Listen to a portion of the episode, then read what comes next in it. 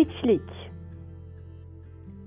Anadolu'nun küçük ve güzel köylerinden birinde delikanlının biri hakikat yolculuğuna çıkmaya karar verir. Ve bu amacını ailesine anlatır. Oğullarını en yakın köydeki dergaha götürmeye karar veren aile, hakikat yolculuğunu her ne kadar onaylayıp sevinseler de, oğullarından ayrı kalacakları için üzgündürler.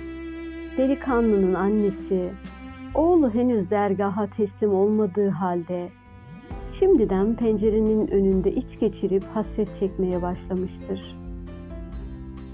Delikanlı dergaha kabulünü beklerken zamanının çoğunu birlikte büyüdüğü köpeğiyle oyun oynayarak geçirmektedir. Köpeğiyle onun arasında her zaman çok güçlü bir sevgi ve bağlılık vardı. Çocukluğundan beri onu anlayan, dinleyen, yargılamadan seven köpeğinden ayrılmak delikanlı için hiç de kolay değildir. Gel zaman, git zaman. Dergaha kabul edilen ve artık o ailenin bir parçası olarak vazifelendirilen derviş, hocasının bir dediğini iki etmez, ne derse harfiyen yerine getirir ve sadakat ve hakikat yolunda terbiye edilirmiş. Aradan birkaç sene geçer ve çocuk yaşlarda girdiği dergahta yaptığı zikirlerle, nefes çalışmalarıyla su gibi berrak bir zihne sahip olan derviş, çocukluğundan beri yanından ayırmadığı biricik köpeğinin çoktan öldüğü haberini alır. Hocası öğrencisinin geçtiği tekamül sürecini iyi bildiğinden bir gün derste herkese Allah adıyla zikre çekme ödevi verir. Allah adıyla zikir çekme ödevi verir.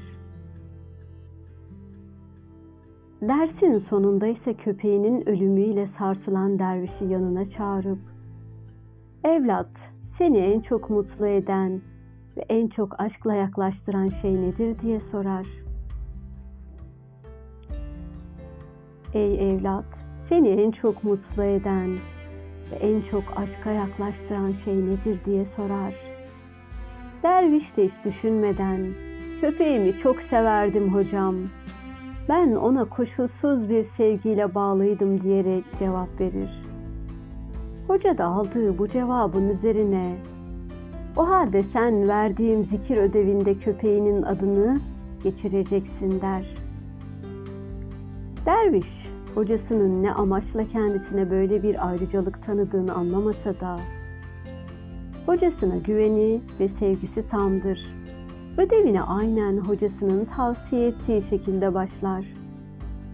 Aradan haftalar geçmiştir de, hoca dergahın koridorlarında yürürken, dervişin bulunduğu odanın kapısından içeri göz atar ve öğrencisinin köpek gibi dört ayak üzerinde durmuş bir halde dili dışarıda zikir çekmekte olduğunu görür. Hemen diğer öğrencilerini yanına çağıran ve zikir çeken dervişin halini öğrencilerine gizlice izlettiren hoca, dergahın diğer yolcularına hayatları boyunca unutamayacakları bir ders verir. Bakın evlatlarım, sizler her biriniz Allah'ın adıyla haftalardır zikir çekiyorsunuz ama buna rağmen henüz Allah'ın ne olduğuna dair en ufak bir fikriniz yok. Bir de şu dervişin haline bakın. Köpeğinin adıyla zikir çekerken bile benliğini yitiriyor. Hatta köpeğin kendisi oluyor. Ona aşkla bağlanıyor, kimliği eriyor. Tam bir hiçliğe dönüşüyor. İşte evlatlarım, zikir böyle çekilir. Ruhuna geçirdiğin kılıfı soyunup çıkarmadığın sürece o kılıf seni boğacaktır. Sonsuz olanı sonlu bir kılıfta hapsettiğinde yazık ki sen de sonlu olanın ötesine geçemez, sonsuzluğu idrak edemezsin. Kap olup da aşkı hapsedeceğine, hiç olup onu özgür bırakmayı öğrenmelisin. Allah'a buluşmak ancak hiçlikle mümkündür. Allah'la buluşmak ancak hiçlikle mümkündür. Aşkın doğumu ancak aşığın ölümüyle mümkündür.